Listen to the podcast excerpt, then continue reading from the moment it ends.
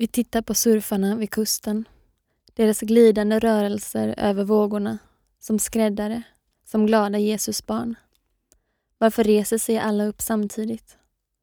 Du säger, för att vågor, liksom människor, färdas i grupp. För att ju längre vi färdas tillsammans, desto mer lika varandra blir vi. Vi blir ett mönster. Men varför är den sjunde vågen alltid störst? Du skakar på huvudet. Motvilja. Granit. Det är den inte, säger du. Det är den inte. Spår av tårar. Nej, stup i din röst. Förkastning. Där, tänker jag. Att surfa, där. Över katastrofen. Bara havet hörs. Surfarna ligger stilla på rad. Väntar. Jag ställer inga fler frågor. Varför havets brus tycks skifta i rosa till exempel. Och senare, långt senare, varför stupet inuti orden blir brantare för varje dag. Leken heter Ingenting gick sönder. Den heter Hellre dör vi än erkänner skalvet. Vi knäckte nogsamt våra knogar. Klamrade oss fast vid klippkanten. Djupt där nere väntar horderna. Hon och jag. Jag och du.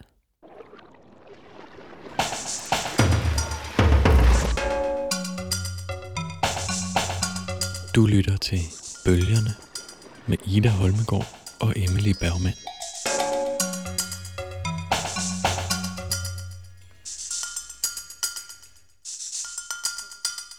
Velkommen til Bølgerne. Mit navn er Ida Holmegård. Og jeg hedder Emily Bergman. I dag skal vi snakke om øh, en bog, en digtsamling, eller netop om, hvorvidt, øh, hvorvidt det er en digtsamling eller ej, kommer vi også til at snakke om, hvad det er for nogle tekster, der er i den her bog, hvad for en genre de har. Men øh, det er i hvert fald Mara Lee, der har skrevet den, som er en svensk forfatter. Og bogen hedder Charleken og Haunted, altså kærligheden og hadet. Den er udkommet på Albert Bonniers forlag. Det er den nemlig, og den udkom her i år. Og udover den her bog, øhm, så har hun både udgivet digte og romaner tidligere, blandt andet øh, romanen Ladies, som i hvert fald er, er oversat til dansk. Jeg tænker også, at vi øh, kan nævne, hvordan den her bog ser ud. Jeg synes, at den er helt ualmindeligt flot, faktisk. Det er sådan det er meget øh, øh, fint bogarbejde. Det er en indbundet bog med et øh, smudsomslag i øh, sort og lyserødt. Så er der tre øh, en slags øh, farver vandpytter. Jeg synes, det ligner bønder. Jeg synes, det ligner nogle organer. Øh, som også tit ligner bønder. Ja, som også tit ligner bønder. Ja, det kunne, godt, kunne det godt ligne en lever eller sådan noget. Mm. I hvert fald den midterste af dem. Og så er det sådan en lille guldkant. Øh, så står det kærligheden og hadet overst. Øh, med sådan nogle blafrende bogstaver. Mm. Dierne bogstaver. Altså, den er meget, meget fin. Synes du ikke? Jo, jeg synes, den er meget flot. Den har, der, der er gang i meget på forsiden. Ja, det er. Men alligevel er det meget afvejet og det er noget med. perfekt. Perfekt på noget. Mm. Altså, ligesom, jeg synes, den her bog er ret, ret perfekt også. Uden at være positiv eller negativ eller noget. så synes jeg, den er meget sådan... Helt støbt. 100 procent. Helt støbt, ja.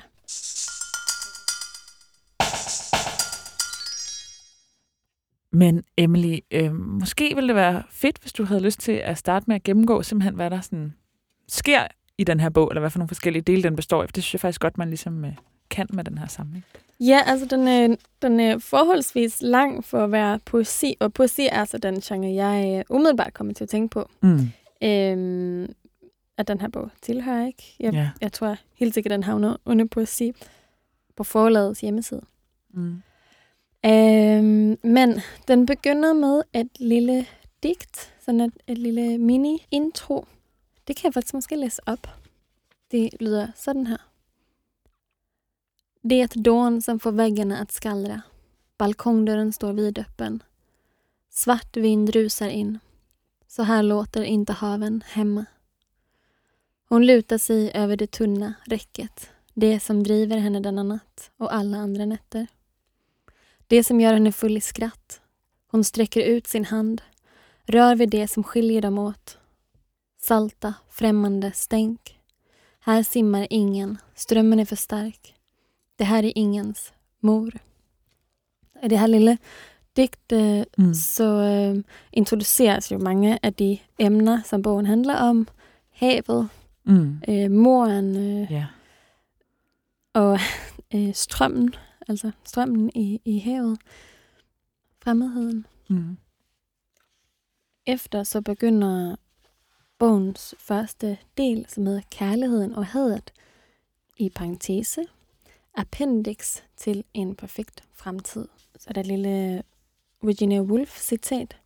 For we think back through our mothers if we are women. Og det her er så, måske kunne man kalde det knækprosa, som handler om øh, moren meget fra en datters øh, synsvinkel. Mor og, og jord. En mor, som, som ordner i haven, og en mor, som øh, jamen, prøver at nærme sig sin datter. Som den her relation er præget af meget besvær. Ligesom men alle relationer ikke egentlig som bliver beskrevet i den her bog. Mm. Ja, og ved siden af den konkrete moder, så bliver det her grammatiske future perfect Mm. undersøgt Ja. sammen med moren. Altså forskellige former for ophav, kan man vel sige. Ja, havet også. Ligesom, ja, havet, ophav, øh, hav. ja, det tænker jeg er noget, som bogen spiller meget på. Ikke? Det her med moren, havet, op, havet. Altså som det sted, mennesket kommer fra, ikke? Ja, og også som noget, der ligesom øhm, er øh, st- stort og sådan øh, svært ligesom at, at netop at tage. Altså det er noget, der ligesom på en eller anden måde er så stort og omfattende, Helt sikkert. at det er svært at nærme sig. Ja.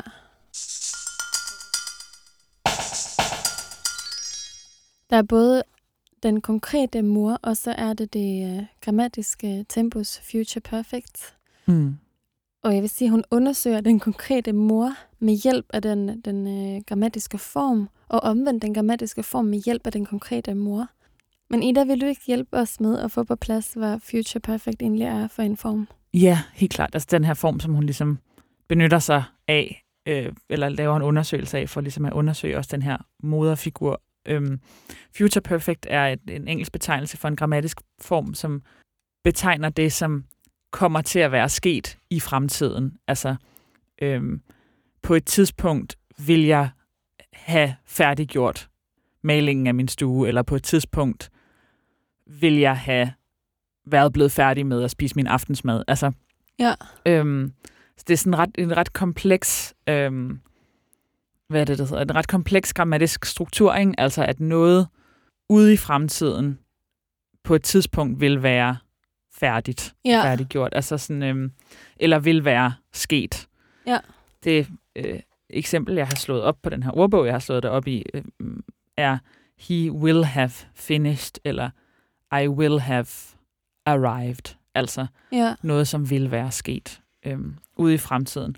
Hun benytter sig af det for, sådan, lige måske at gøre det, nu er det sådan lidt, øh, en lidt abstrakt beskrivelse, men øhm, man kan bruge øh, meget lige selv til at gøre det en lille smule mere konkret. Hun beskriver øhm, i digtsamlingen på et tidspunkt øhm, en del af Odysseus rejse, øhm, hvor han ligesom han lytter til sirenernes sang, som er den her historie om, at Odysseus er ude at sejle med sine mænd, han er på vej hjem, og så øh, skal han passere forbi sirenerne, og han ved ligesom, at der er sådan, deres sang er sådan tillokkende på en dødbringende måde. Altså, Ja. at man vil ikke... Øh, man vil ligesom have lyst til at springe i døden, eller øh, hvis man hører det, så stopper han ligesom sin mænds ører til med voks. Men han er selv sådan, han vil ligesom bare høre den her sang. Han synes bare sådan, mm, man ligger. Øhm, så han øh, får ligesom sin mænd til at binde sig til masten, ja. ja. sådan at han kan høre sangen uden at gøre skade på sig selv. Og det hun så ligesom, det hun skriver, han hører, er, at, og det som hun skriver, at sirenerne synger om, er, øh, hvordan folk vil tale om en, når man er død. Altså, når man kommer til at være død, vil ja. det her.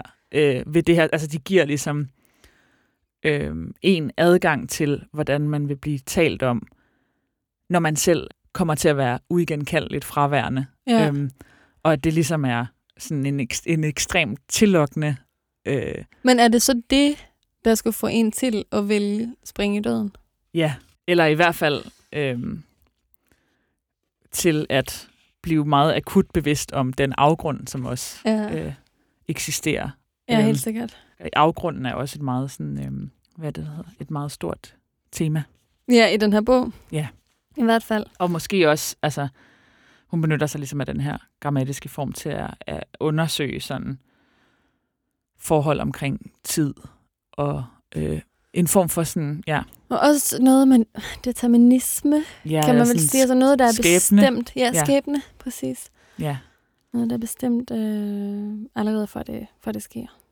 Så vi har det her afsnit, der ligesom kredser meget om, om moren, og om tidsforståelser og, og grammatik og på at nærme sig den her mor. Øh, men hvad så? Hvad sker der så? Det er Efter det. altså i en i digtform, ikke? Det følger så cirka halvdelen af værket. Vi er på side 53, når interludium begynder mm. på grund af Mm. solen, som er en slags novelleform. Det begynder med en dato, Skåne, den 6. august 1986. Og i, på prosa så beskriver hun en øh, dag på stranden. En 13-årig pige, det er skrevet i jeg-form, som øh, måske kunne være lige selv.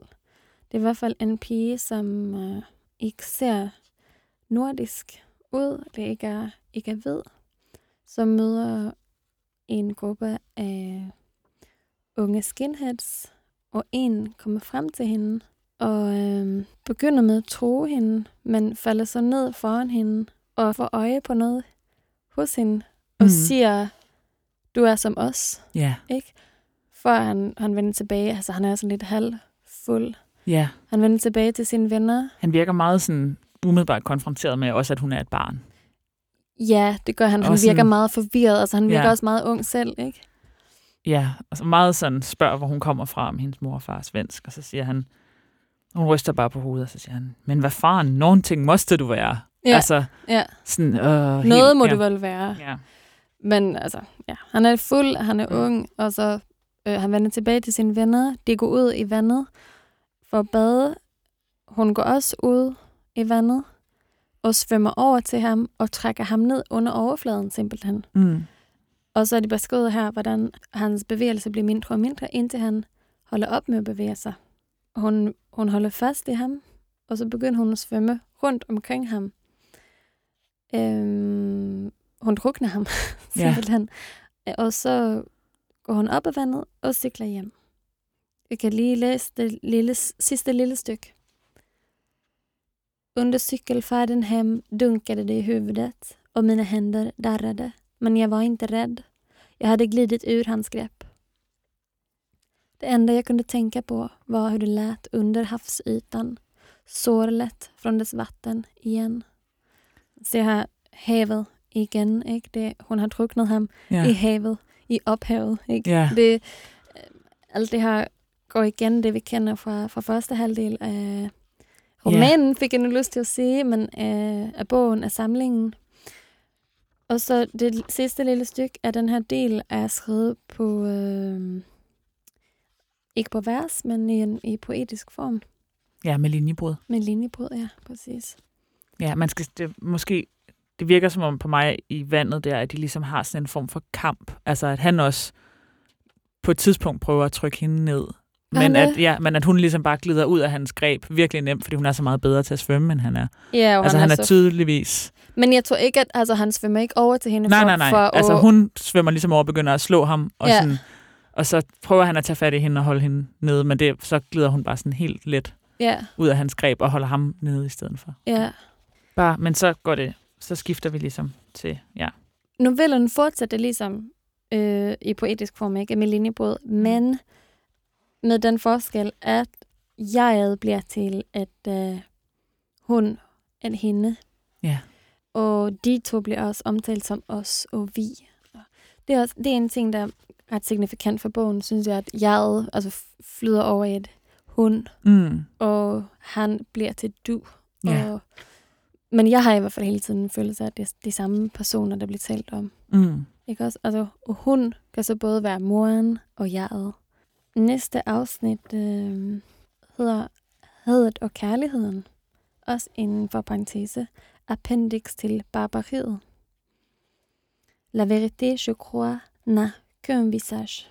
Celui d'un démenti violent. Altså, øh, sandheden har bare et ansigt. Det er en voldsom dementi. Dementi kan man godt sige på dansk, ikke? Ja, Og det eller er altså, øh, som i altså, affærd affejelse. og Ja, affærdelse. ja, Det er et citat fra Georges Bataille. som jo også minder om altså, demens Ja. øh, sprogligt, altså glem, glemsel.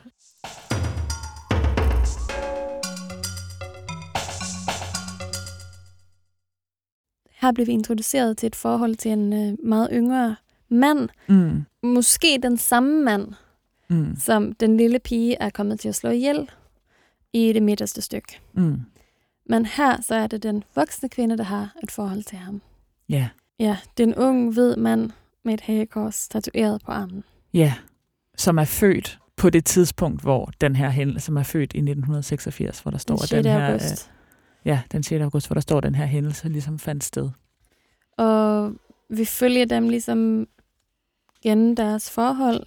Et meget svært, meget intensivt forhold, som kommer til at spejle en, en, en større struktur i samfundet. Kan man sige, altså det kommer til at handle rigtig, rigtig meget om racisme. Ja, Og øhm, om de strukturer, det medfører, og de problematikker, som, som det medfører, at de er, har forskellige farver. ja. Har du lyst til at læse noget op? Øhm, Eller- Ja, altså det er det vil jeg måske gerne. Eller, Ja. De er tydeligvis meget forskellige, kommer fra sådan helt øh, forskellige steder, og han er så ligesom øh, hvid og blond og har det her hagekors tatoveret, så man ikke rigtig får nogen sådan egentlig forklaring på, Hvor kommer fra? hvor kommer fra. Øhm, han vil i hvert fald ikke, øh, ja, Han vil ikke Øh. få det fjernet.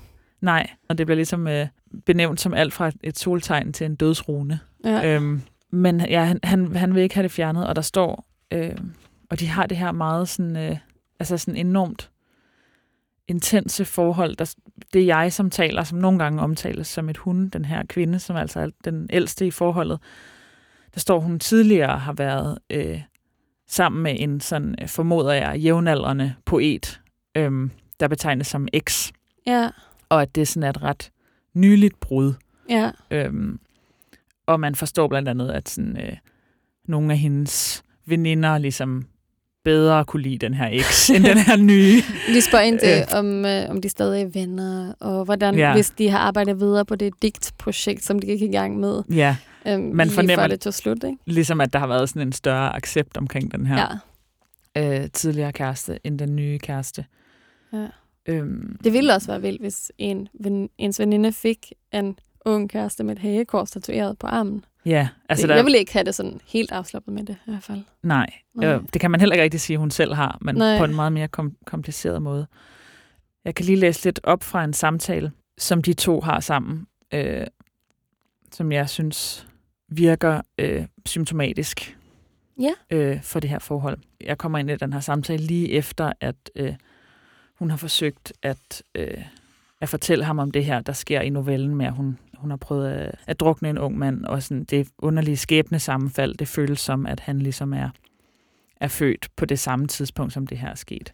Hvor han starter med at sige, jeg gilder ikke den her samtale, du lutter golden. Beretter, hvorfor du elsker mig i stedet, siger du. Jeg elsker dig, inden jeg er besat af dig, siger jeg. Det er næsten samme sak. Fortæl. Det er kulturelt. Jeg har lært mig, at sådan som du er forbudna, og derfor kan jeg ikke lade dig blive. Desuden har du mit øde og min straf, så jeg jo. Det enda jeg ved, er, at jeg elsker dig, siger han.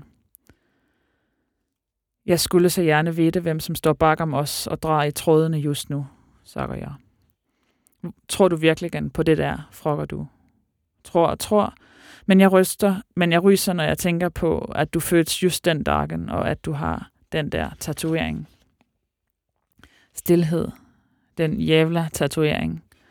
Og sidenhen spørger jeg, jeg må, jeg må bare spørge i det mindste, tror du, jeg er mindre værd på grund af, hvordan jeg ser ud? Tror og tror, sokker du, jeg ved. Hvad sagde du nu? Jeg reagerer, som jeg burde gøre, når mennesker siger forfærdelige ting til mig. Sidder stille, rør ind en mine kan ske muligvis et svagt smil, som skal forestille kynisme.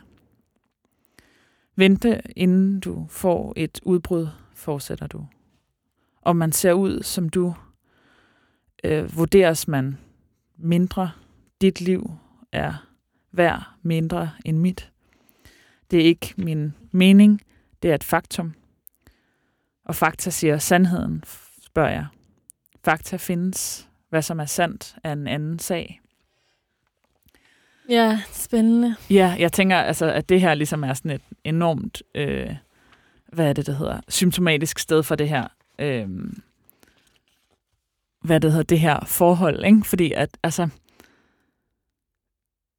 det er bare sådan, det vejer ligesom, der er så tung en vægt, der ligesom læner sig ind i Ja. deres øh, forhold til hinanden. Ikke? Og hun, altså jeg siger det jo også, at det er, at det er kulturelt, jeg har fået at vide det her. Ja. Jeg må ikke ja, et arbejde med det her med, sådan, øh, med skæbne Ja. og, og straf også i virkeligheden. Der står også et andet sted, øhm, hvor de har al- altså sådan et seksuelt møde, at der står sådan, øhm, nu sover vi, siger de, men begge tænker, vi kommer til at blive straffet for det her. Man får ikke lov at have det sådan her. Alle fantasier, man har haft, kan ikke bare indfries på den her måde, nat efter nat, uden følger. Nej, altså jeg tænkte lidt på som den sidste linje, det der første stykke, du læste Mm. op, hvor der står, øh, fakta findes, var der sandt er en anden ting. Ja. Og jeg tænker, det er ret spændende, fordi jeg tror, det her er en bog, der henvender sig til sådan en øh, meget bevidst læser egentlig. Altså, Ja. der bliver skrevet på fransk og tysk, og sådan ret indforstået. Altså, det, den, den henvender sig til nogen, tror jeg, som mm. ved, hvad kulturelle betingelser er, Mm. og som ved, at det er forkert at være racist. Ja. Øhm, jamen, som, som ligesom har godt styr på, altså det som den unge mand siger, ikke, at ja, i, i det her samfund, så forholder det sig sådan og sådan. At i det, det her samfund, så bliver brune mennesker vurderet mindre, selvom det er forkert. Og der står, fakta, fakta findes. Ja, det ved vi. Og hvad der er sandt, er en anden ting, ikke? Mm. Altså, det er to øh, koordinater, som I er en, enige på, mm. altså, Mm. som I er enige i. Men hvad så imellem de her to koordinater? Ja, Jeg tænker måske, at det er der, den her bog udspiller sig. helt bestemt. Altså mellem, ja, mellem hvad der bliver husket og hvad der bliver glemt, mellem, Ja, øh. ja, mellem hvad der er rigtigt, og hvad, og, og hvad der er sandt. Ja. Ja. ja. Og jeg tænker altså sådan, det er som om den her type samtale, som jeg lige har læst højt, at der er sådan, det er virkelig tit sådan deres øh, samtaler fungerer, hvor man, jeg synes, de er sådan ekstremt, øh, man, altså der står også det her med, øh, hvad sagde du nu, jeg reagerer sådan, som jeg bør reagere, når folk siger forfærdelige ting til mig, sidder stille, rør mig ikke. Og det der med ligesom at ty til kynismen som sådan en form for udvej i den her frustration. Ja, altså, ja, ja. at det er som om, øhm, altså, den her sådan, at der er ikke nogen sådan, der er ikke nogen udvej, eller der er sådan, Nej. det er sådan et ekstremt øh, sådan klaustrofobisk ladet øh, Ja. rum, hvor det er sådan, at altså havde det, havde det været bedre, om han havde sagt, nej, skat, vi er ja. ja. præcis det samme. ja. Altså, det kan godt være, at det havde været bedre, eller det Men- kan godt være, at man havde ønsket, at han havde sagt det, men det er sådan, alle udsagn er ligesom så sådan besmittet med den uligevægt, ja. der er i det forhold, at der er sådan en enorm, ja, Det er lige meget, hvor intelligent hun er, hvor, ja. hvor intellektuel hun er. Og ja, og sådan, ja, det er noget, hun ikke bare kan tænke sig ud af, måske. Ja. Eller som man ikke kan... Det er en, ja, en ekstrem klaustrofobi. ja, en ekstrem klaustrofobi, det er ekstremt ligesom sådan øh, besmitten, altså det, ja, det sætter sig ligesom på, på relationerne og ændrer dem uigenkaldeligt. Der er ikke noget sådan, der er ikke noget udenfor. Øhm, Ikke noget indenfor. Nej, ikke, ikke noget udenfor, og ikke noget, øh, ikke noget indenfor. jeg, jeg blev ved med at vende tilbage til den replik, det der med, det er, sådan, det er kulturelt. Jeg har lært, at øh, sådan en som dig er forbudt, og jeg kan ikke lade det være. Øhm, altså, jeg synes faktisk, det er meget sådan, ja, i forhold til, der ligesom er den her øh, racialiseringsdiskussion, at der ligesom er et eller andet helt sådan øh, vildt spændende i det her med, at det også på en eller anden, altså både er en del af det, der sådan skaber et sådan stærkt had mellem dem fra starten, men også er en stor del af sådan tiltrækningen. Ja. Øhm, og det her, der står også på et tidspunkt bare sådan herre-slave, herre-slave, altså. ja. Øhm, at, ja, at det også er en del af det her øh, seksuelle forhold, men som på ingen måde gør det ligesom sådan bedre eller nemmere. Det er Øhm, midt i et skænderi, jeg kan læse ja. op fra det. det er sådan, der står, vi står på var sin sida av köksbordet. Du håller min nyckelknippa i handen. Altså, Mm. han holder hendes nøgler i hånden. Han er nok på vej derfra, tænker jeg. Øh, du siger, har vi et problem? Jeg, definitivt. Om inte. Fakta kan göra ont. Det betyder inte att vi måste följa det slaviskt. Eller så gör vi det. Vi bara gör det, helt enkelt. Turas om. Herre, slav. Herre, slav. Som er sådan, skal man...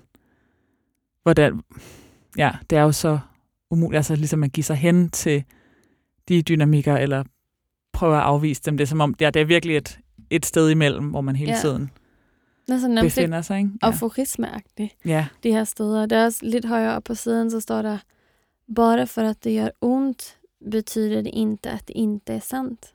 Bara för att det gör ont betyder det inte att det är sant. ja, Så det er meget det her klaustrofobiske rum, ikke? hvor man ikke kan komme hverken ud eller ind. ja. Der står øh, en, en passage, jeg har bidt mærke i, er også ligesom øh, på, øh, modsatte side af det, du snakkede om, som beskriver en situation, hvor han ligesom har viklet sit, hendes hår rundt om sin hånd, Ja, og sådan øh, knurrer det rigtig hårdt. Og øh, den, hvad er det, der hedder, den passage slutter sådan her, mit hår i et, i et spænd øh, knyttet i hans hånd. Lidt hårdere, tak. Så at det føles i rødderne også, tak. ja, Altså, han holder hende fast, og øhm, hun beder ham om det. Men det betyder ikke, at det ikke er en vold. nej, Altså, nej. øhm, det er også ligesom et eksempel på den der voldsomme dynamik, der er i det her forhold. For at vende tilbage til øh, kronologien, Ja. så øh, beskriver det her afsnit deres forholds øh, opgang, øh, udsving og, og fald. Mm. Blandt andet så er der en passage, hvor han øh, har gået ind i hendes computer, og så har han slettet en artikel, hun har skrevet om øh, natten som metafor for fremmedhed. Ja, Og den artikel er så trygt til sidst i det her, i det her kapitel. Næsten helt til sidst. Overstreget. Meget fin tekst, synes jeg. ja. Han, han siger ligesom, øhm, at hun lyder for skinger Ja, i den her tekst, ikke? At det ja ikke... hun er blevet for, for um, oh, hvad hedder det, sådan nølende. Eller hvad, hvad hedder det, når man er sådan... Uh, er klagende. Klagende, ja, præcis. beklagende. Ja, Øhm, som er sådan, ja, hun beklager sig for meget. endnu et, øh, ja, ligesom endnu en, en kamp om, øh, hvem der kan, ja, fortælle historien om den fremmede, hvordan øh, i det her forhold, altså.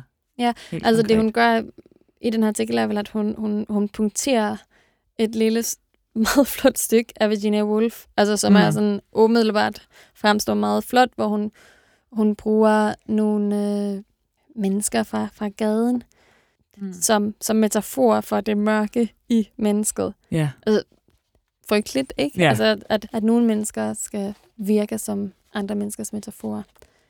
ja, Virkelig flot og meget, meget ligeagtigt.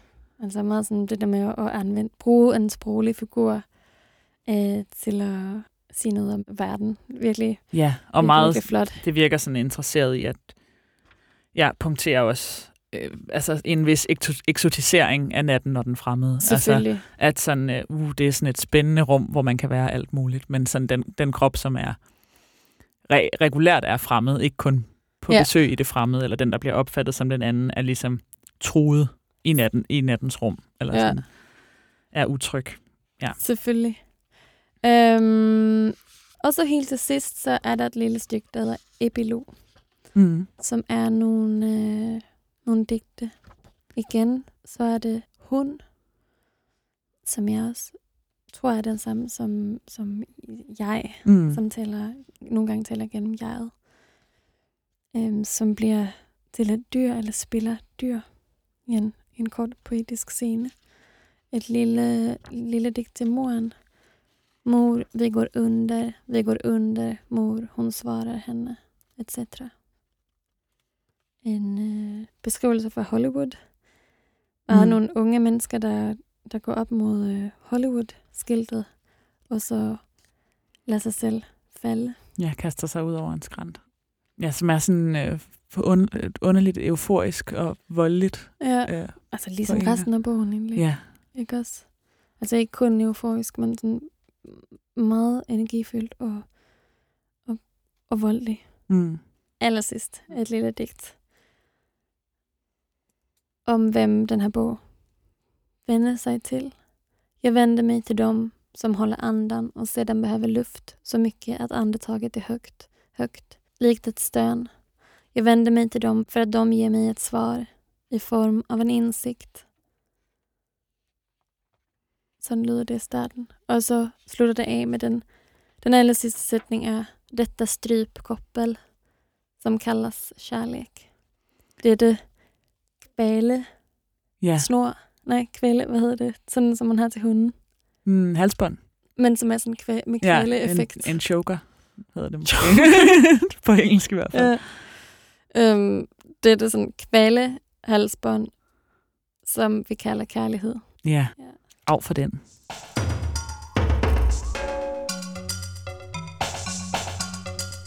En bog og rigtig mange forskellige slags tekst. Altså nu har jeg mest snakket om øh, poetisk øh, skrift, altså der hvor det er opstillet med linjebrud, og Ja. så prosa, sådan noget, der ligner en novelle, ikke? Mm. Men i virkeligheden så har jeg en følelse af, at det, det, øh, det nærmer sig essayistik også, altså både i det poetiske og det pro- prosaiske. ja. Har du lyst til måske at uddybe lidt? Ja, altså, øh, det har jeg bestemt. Nu har vi ligesom snakket om også de her forskellige temaer, at der ligesom er sådan en afsøgning af, og også besvær med at tale om sådan mødrene og havet og ophav, og om både om nationalitet og, og kærlighedsforhold og sådan øhm, forholdet mellem kulturelle fortællinger og skæbne eller uafvendelighed. Øhm, og den måde, der bliver talt på i den her bog, opfatter jeg som sådan meget essentiel øh, del af ja, bogens sådan væsen, eller hvad man skal sige, at den er sådan ekstremt afsøgende i forhold til form, altså i forhold til, hvad for en slags tekst, der optræder. Eller Nærmest. kom- kompromilløs? Ja, øh, nærmest så meget, så jeg vil kalde det en, en hybridform. Altså Mm. Noget, som ikke ligesom endegyldigt falder i, ja, til essay eller til øh, digt eller prosa. Øhm, eller det er som om, der ligesom er, så ligger der en novelle inde i.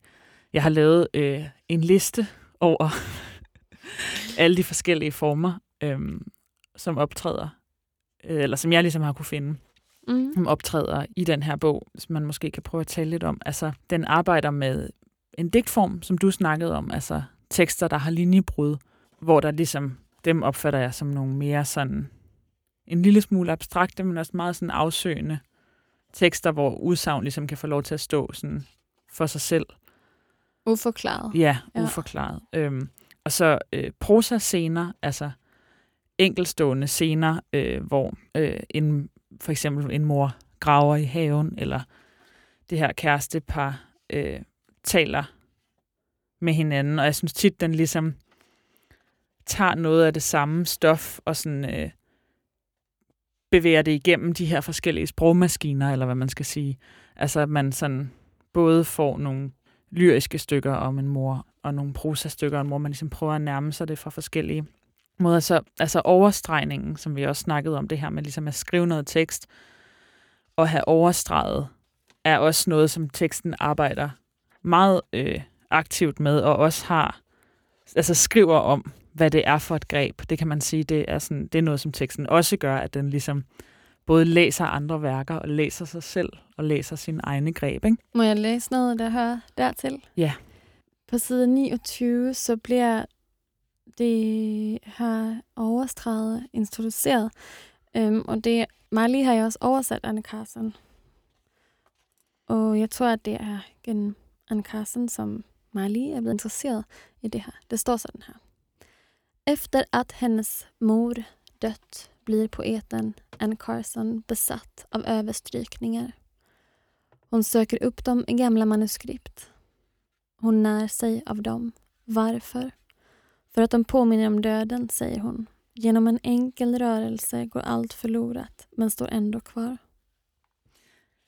Ja, Jeg føler også, det er ret symptomatisk for den her bog, at ligesom liv og skrift eksisterer på samme vilkår. ja, fuldstændig. Altså det, der står her, øh, hvis man lige var lidt sløv på svensk, som mig nogle gange skal have, have, øh, skal have slået et ord op, så er det ligesom, at overstregningen i tekst repræsenterer noget, som på en gang er blevet slettet, og stadigvæk øh, eksisterer eller findes. Altså noget, som på en gang er øh, blevet væk, men alligevel står der. Det bruger hun alle mulige forskellige steder, blandt andet øh, men der står, altså her så står det jo, altså gennem en enkel bevægelse, så går alt tabt. mm, Men det er der stadig. ja, Ja, det er rigtigt. at det, altså hun, besk- hun øh, beskriver det også senere med billedet, øhm, som er et ordsprog, jeg mener kommer fra engelsk, som er det her med, at man både vil have sin kage og have spist sin kage. Ja, Altså, ja, ja. at, øhm, og hun beskriver så ligesom det her med at have en noget overstreget som kage, kagesmugler. Ikke? ja. Jeg tænker meget det her overstregning. Jeg synes, det er lidt provokerende. Jeg synes, at det, altså, jeg synes, at når man dør, så er man jo ikke Ja, tilbage, faktisk. Jeg synes, at det er lidt... Um, jeg synes, det er lidt svagt, altså det der med at, at sammenligne det med døden. Nu er det så Anne Carson, jeg skal, ja. jeg skal blame. rette din... Øh, øh, ja, for jeg synes faktisk ikke, at altså, nødvendigvis det- det her Men ja. døds... Øh, den, altså jeg tænker mere på det, den måde, det optræder i den her bog, som noget, der arbejder med, altså som en måde at arbejde med glemsel, Ja. øhm, og med at blive sådan, at blive slettet eller at blive skrevet ud. Det mest prominente eksempel på brugen af overstregningen i bogen er, som du siger, det her essay til sidst, som den her kæreste, så sletter man sig, som stadigvæk forfindes i bogen, øh, med overstregningen over. Og jeg tænker, det ligesom, den her overstregning peger på sådan et arbejde med at blive ved med at tale om for eksempel den anden, det fremmede, den ikke-vestlige historie, som noget, der hele tiden meget aktivt bliver glemt Ja, og slettet, og som man så ligesom alligevel skal ja, finde frem og insistere på. Der står også, hun skriver på et tidspunkt om den her kæreste, at hans lykke, eller den glemslen af de katastrofer, som har præget hendes liv, bliver til det ark, som hans lykke kan skrives på. ja, At ligesom en, som jo også er et hvidt ark, ikke? eller sådan ligesom alt den historie, som ikke er en hvid historie, ikke er en vestlig historie, al den tænkning, som ikke er en hvid historie, og en vestlig tænkning, øhm, hele tiden ligesom har et arbejde med overhovedet at bringe sig selv frem og øh, ja, sådan eksistere i en samtale. ja, Bevæger jeg mig videre i listen. ja, Øhm, der er også øh, ja, der er de her læsninger af forskellige værker, som, øh, som den her bog bruger til ligesom at belyse sine egne formgreb. Øhm, der er både, som vi har snakket om her, læsning af Anne Carson, som bliver brugt til at belyse brugen af overstregning. Der er læsning af Odysseus, som bliver brugt til at belyse forholdet til det her futurum perfectum, Mm. mm. perfectum future perfect grammatiske form. Der er ligesom en læsning af duet i digte, som en fraværende figur, der bliver brugt til at belyse øh, ordet af du om helt sikkert. Ej, det, Moren. det digt synes jeg faktisk, at vi skal få læst op. Måske at dig. Ja, jeg har det her. Ja. Øh, som I kan høre, kære lyttere, er der ligesom... Altså, jeg synes meget, man kan beskrive den her bog som sådan en, der ligesom... Den, altså, der bliver sat nogle meget store figurer, eller sådan... Øh, Der er nogle Skibe. rigtig, rigtig store ting på spil, ikke? ja, øhm, Og jeg synes også, hun følger dem til dørs. ja, det synes jeg godt nok også. Men at det er måske det, der gør den en lille smule sådan... Ja, man, Den er skal bruge, tung man skal bruge lang Ja. tid på sådan at bevæge sig ind i, at... Øh, ind i stoffet. ind i stoffet, fordi den ligesom hele tiden... Man kan få lidt sådan en spejlkabinet følelse, eller sådan det der med, at alting ligesom... Eller, Alt ja, hænger sammen. skal hele... Nej, men måske, jeg har det som om, at alle... Ja, hvis man forestiller sig det, der skal skrives om, som en, en ting, der står, Ja. øhm, så bliver den ligesom hele tiden... Der er en projektør, som hele tiden skifter position, man vil hele tiden lyse på tingene fra forskellige vinkler, eller sådan ja. med Ja. forskellige, så har man en lille, en lille dims, man kan gå hen og grave i den med, eller sådan, der er ligesom Ja. om, at der bliver hele tiden. Men jeg, jeg vidste, hvis den her tekst var en bygning, så opfatter jeg den som en meget, meget stabil bygning. Mm. Altså selve teksten. Ja. Det gør jeg virkelig. Ja. Altså selvom der er mange Ja, ja, ja. forskellige øh, dele, så er den meget massiv og sta- stabil. Men man kan roligt sige, for at konkludere noget omkring den her øh, utrolig lange liste, jeg havde, af, der er også sådan sms'er med, og lister, opremsninger, øh, tekster om lister og opremsninger, mm. og tekster om henvendelser. Altså, at man kan roligt sige, at det er en øh, bog, som tager sit eget besvær med tale, og besvær med at tale om ting i det hele taget. Ja. enormt alvorligt, ja. øhm, og beskæftiger sig meget med, Altså det Hvad der, er der det? hvad det vil sige, at noget er svært at tale om, og hvor det kan komme fra. Ja, altså det er igen det der med, at sprog og liv ligesom eksisterer på lige vilkår. Ja. Al- Altså at, at sproget virkelig er vigtigt. Ekstremt, ekstremt vigtigt. Nu kommer der lige et digt om øh, duer i mm. digte. På mit øh, i øvrigt lidt gebrokne, øh, skan- pseudo-oversatte øh, Men sikkert skandinavisk. nemmere for en dansker at forstå svensk. Ja. Øhm, der måste findes tid, afstand, for at et poetisk du skal kunne tage form.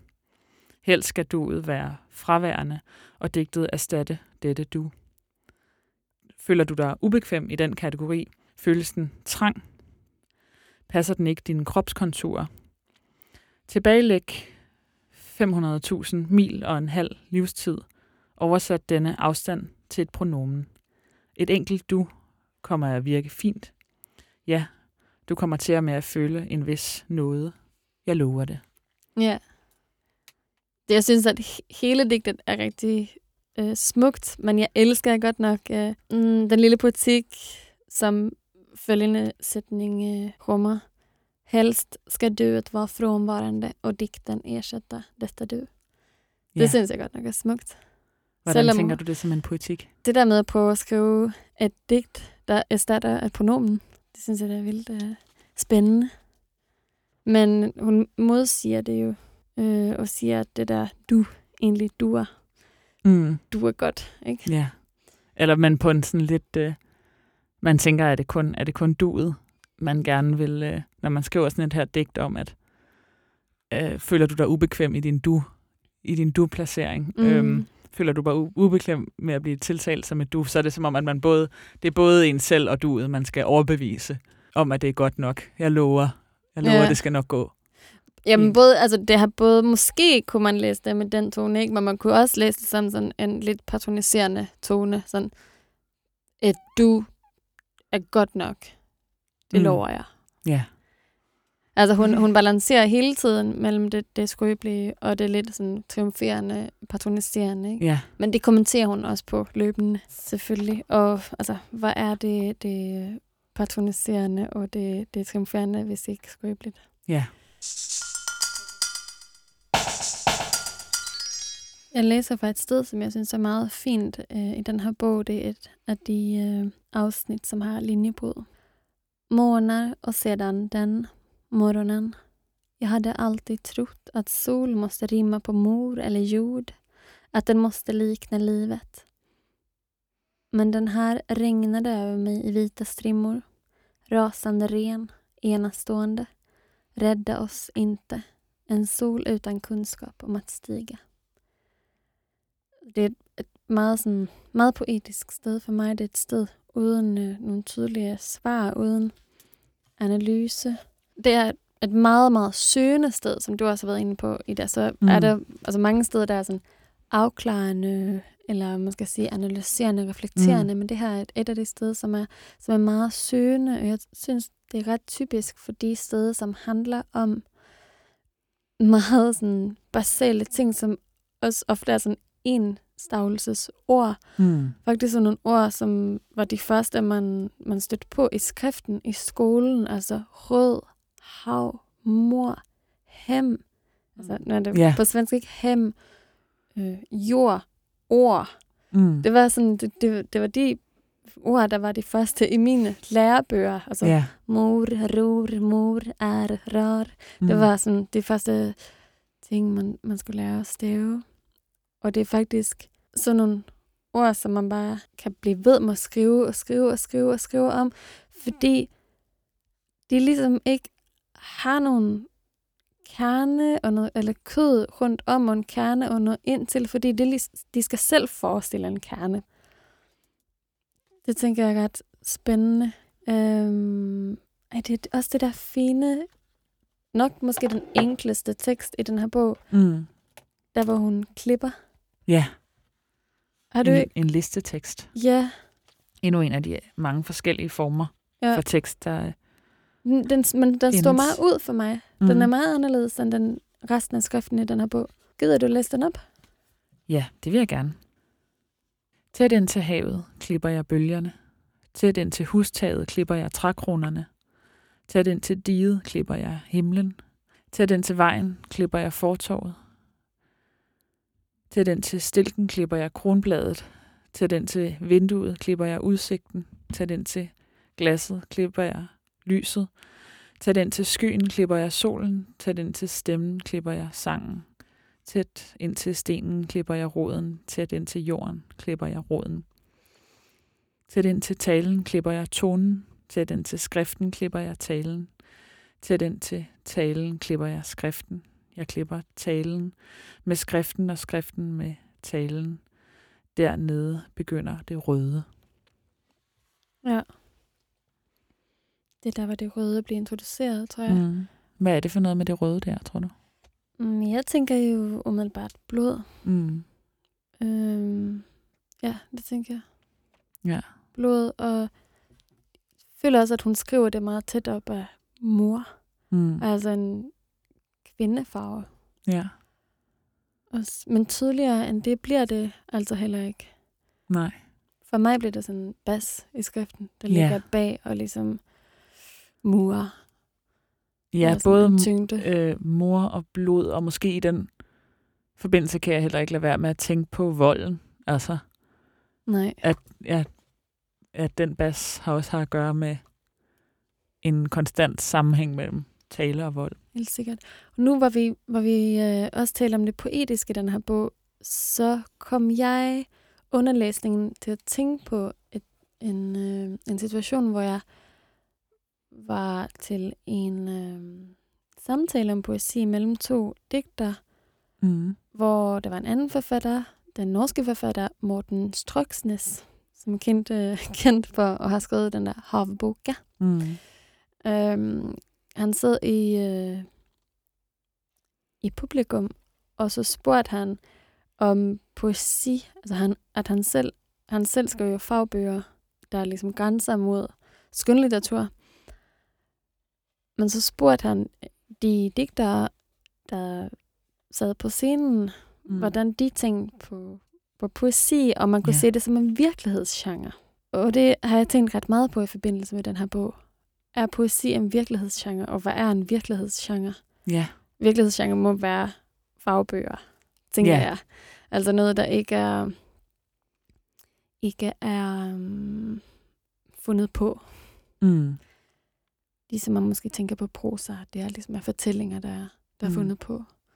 Og selvom, når man taler om prosa, så prøver man vel endda nogle gange at tale om selvbiografier som, at nej, det var ikke virkelighed. Altså mm. der er Mm. ligesom man at fjerne sig fra det, at det er virkelighedslitteratur, er positivt, når det kommer til prosa.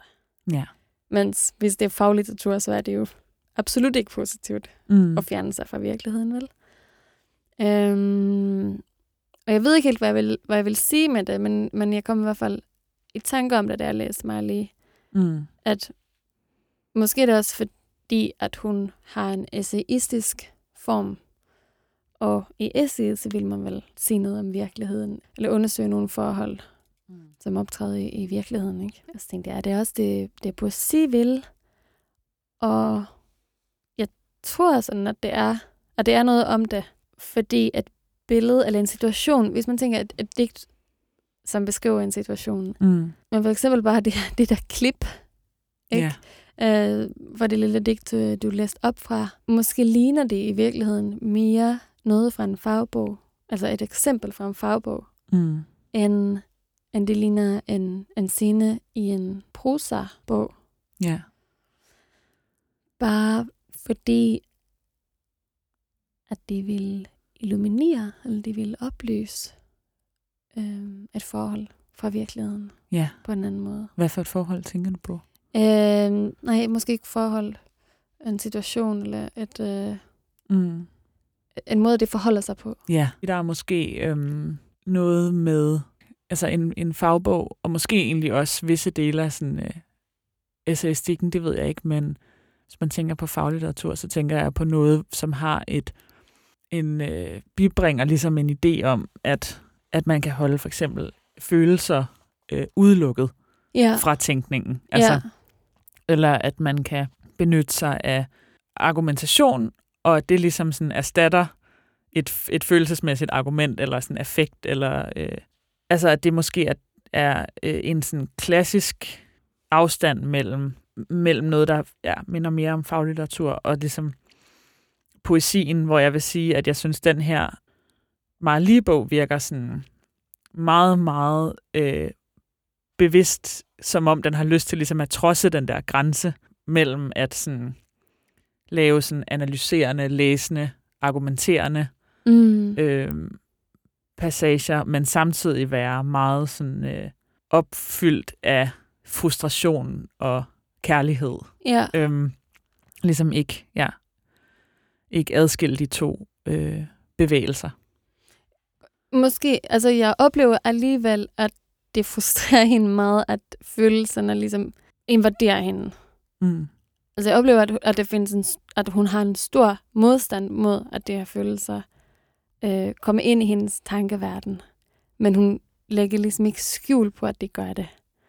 Hun Ja, det er prøver at inddrage også- det i sin analyse. Ikke? Måske er det også noget, øh, jeg ved ikke, om jeg tænker nødvendigvis, det er måske også altså, ja, meget i vær, altså når vi taler om hende, så er det jeg, der optræder i værket. Øhm, Ja. Men hvad er det, der hedder? At måske har det også noget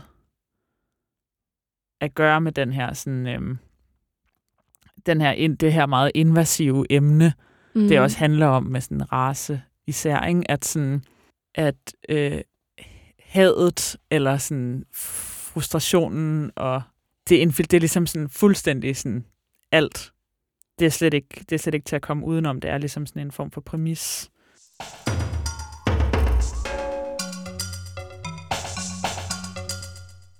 Men jeg synes stadigvæk, det er spændende. Og altså at tænke på, hvordan poesien kan, kan nærme sig sandhed. Altså det er måske i virkeligheden det. Måske er det i virkeligheden, altså hvis man skal vende lidt tilbage til værket, så er der ligesom, ja, Hvordan der kan er man- det her øh, skæld mellem fakta og sandhed, ikke? Ja. at man har nogle, ja, man har nogle øh, genrer, som i hvert fald tradition, altså nogle sproglige genrer, som traditionelt har haft et større patent på virkeligheden.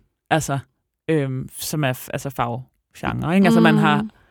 en, en traditionel videnskabstradition, som hedder, at man kan trække øh, følelser og blik og position og alt sådan noget ud Men af. samtidig en- så er det et stort sådan, apparat omkring faglitteraturen, Mm, som ligesom kan gribe ind i den og sætte spørgsmålstegn ved den på en helt anden måde, end det er ved poesi. Altså, hvem skal bryde ind i poesien og sige, at det ikke er rigtigt? ja, det er rigtigt. Hvem kan ligesom modsige? Det, der står i et digt. Ja, Så på den måde er det jo stærkere. Altså, eller på den Mm. mm. måde, så, kan, så er det jo et tryggere sted at tale fra, tænker jeg. ja. Ja, det er måske rigtigt. For at vende tilbage til værket, så tænker jeg måske, at de steder, hvor den bryder ud i digt, Ja. så er det for at hente styrke Mm. i, i altså en form, hvor man ikke kan blive noget på den samme måde, eller hvor, hvor, hvor der er nogle steder, hvor hun ligesom udbryder sådan, de kan ikke fange mig, Mm. de kan ikke få fat i mig. Ja. Og det er måske der, jeg tænker, at vi er ude i poesi. Mm. Ja, eller du, tænker du, at hvis man går ind i en, en mere argumenterende læsende tone, så går man også ind på nogle præmisser, som Ja, måske har sådan, mere med fakta end med sandhed at gøre? Eller sådan. Øhm, har mere med fakta end sandhed at gøre. Altså, der, det er vel et sådan Eller man det er vel går, også det ubehagelige med Ja. fagskriften, at, altså, at- man ikke skiller mellem sandhed og fakta. Mm. Ja. Nej, men ja. altså helt Ja. alvorligt. Og måske også det, der ligesom, ja, noget af det, der, der gør, at den her, det her værk ikke er en, en anden type tekst. Altså, Ja. at den gerne vil insistere på, på begge dele. Men Det er meget, jeg tror, det der sandhed og fakta, øh, ja, så er vi ved sandhed og fakta igen.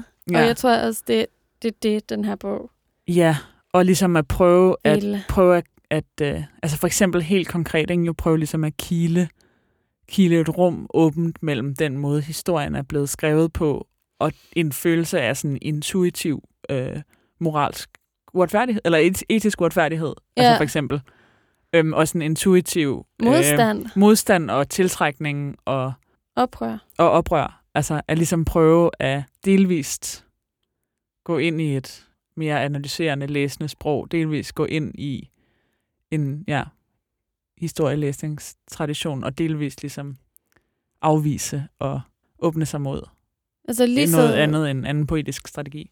Ja, altså lige så ja, insisterende på at være kompromilløs. Altså Mm. såvel i livet, eller såvel i, i, i historien, som, som i skriften, ikke? Ja, men det, er- altså, det er jo virkelig, ja, det er jo nogle store spørgsmål, men det er, ja, måske er det det. Måske er det det, der ligesom er, øh, kan være det, der kommer tættest på en læsning, ligesom ønsket om at kile sig, kile sig ind i et rum mellem sandhed og fakta. Eller insistere på at åbne, Ja, præcis. vride dem fra hinanden. Ja, ja. Øhm, Åbne op, løsne op. Ja. Øhm, og ikke, ikke øh, holde håret sådan der ja. omkring hånden, som i den der scene, som du læste op fra. Mm. Da jeg læste øh, Marley, så kom jeg til at tænke på en øh, dansk udgivelse fra 2013. Det er Julie Sten Knudsens Atlanterhavet vokser, som udkom på Gyldendal. Og jeg tror nærmest, at jeg bare læser lidt fra starten, um, og så bare siger nogle ord om det. Mm. Jeg Mm. synes, det er ret sådan, det, det er meget tydeligt, øh, at de er i familie med hinanden.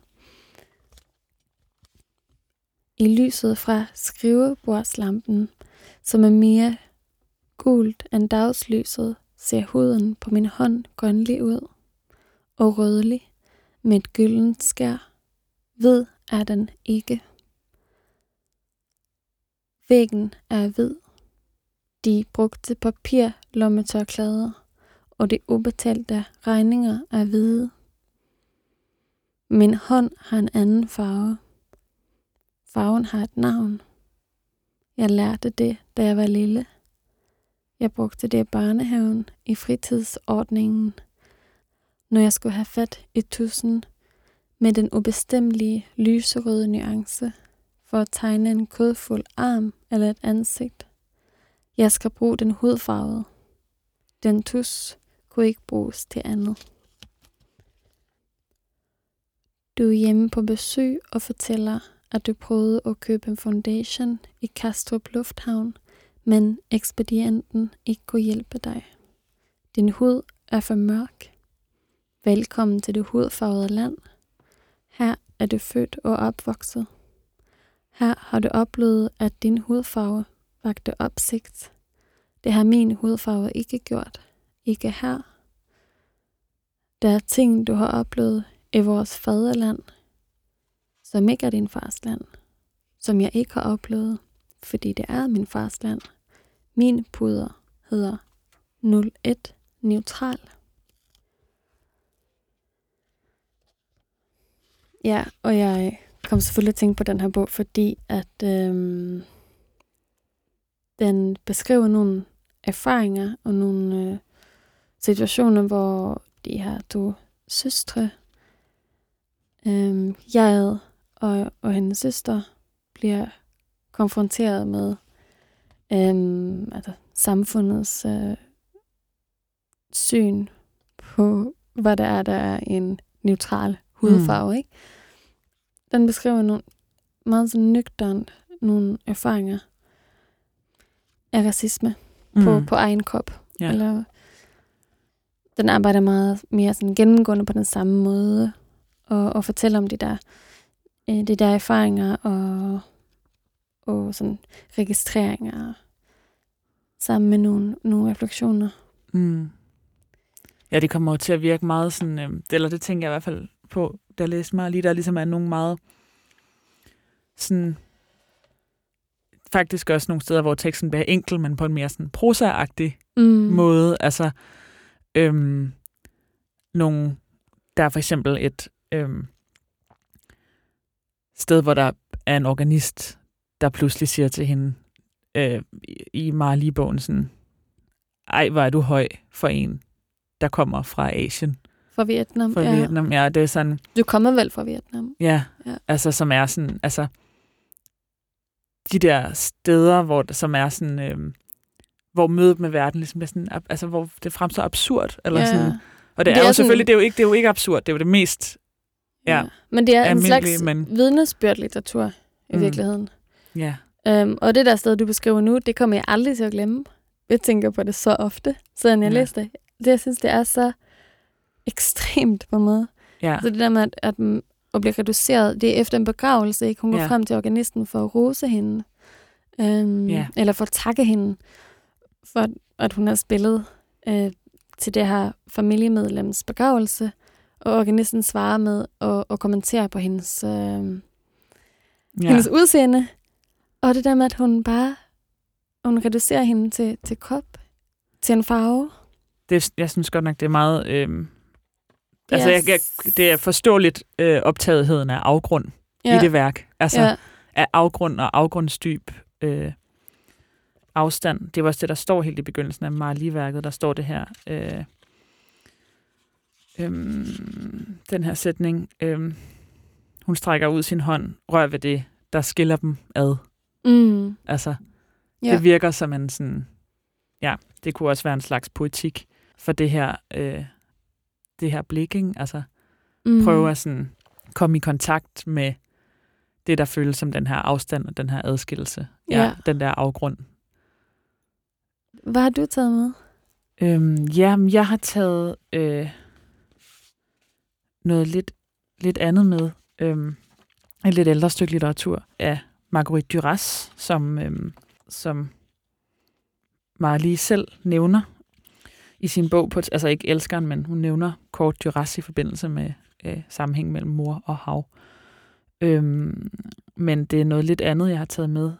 Øhm, jeg har måske faktisk haft den her bog med i det her litteraturprogram før, går det op for mig. Ja, Men i Linde det er øh, ret øh, spændende, fordi det er virkelig det, det modsatte forhold, der bliver beskrevet. Ikke? Det er Ja. den hvide Ja, pige, som er jeget. jeg vil måske lige starte med at læse lidt op. Øhm, det handler om en barndom i, øh, altså angiveligt en, en, en selvbiografisk roman om en barndom i det, der dengang hed fransk Indokina, en øhm, ung, hvid øh, pige får en noget ældre, øh, meget ældre øh, kinesisk elsker, øh, som er fra overklassen, som er enormt rig. Jeg vil læse en passage nu.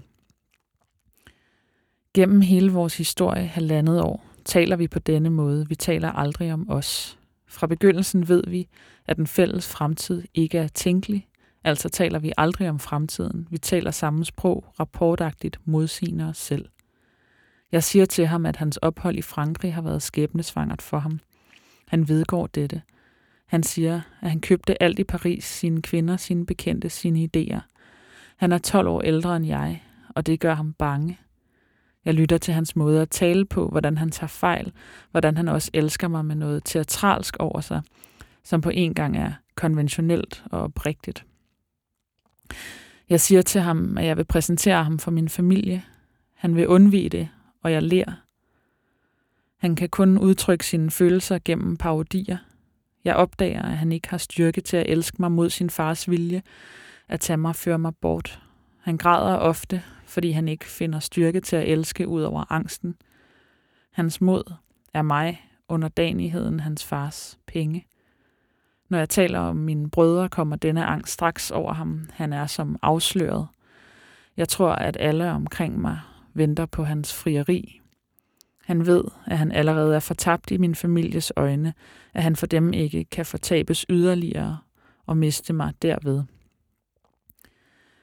Han siger, at han tog afsted for at gå på en handelsskole i Paris. Han siger endelig sandheden, at han intet fik bestilt, at hans far stansede hans underhold og sendte ham hjemrejsebilletten, at han var nødt til at forlade Frankrig.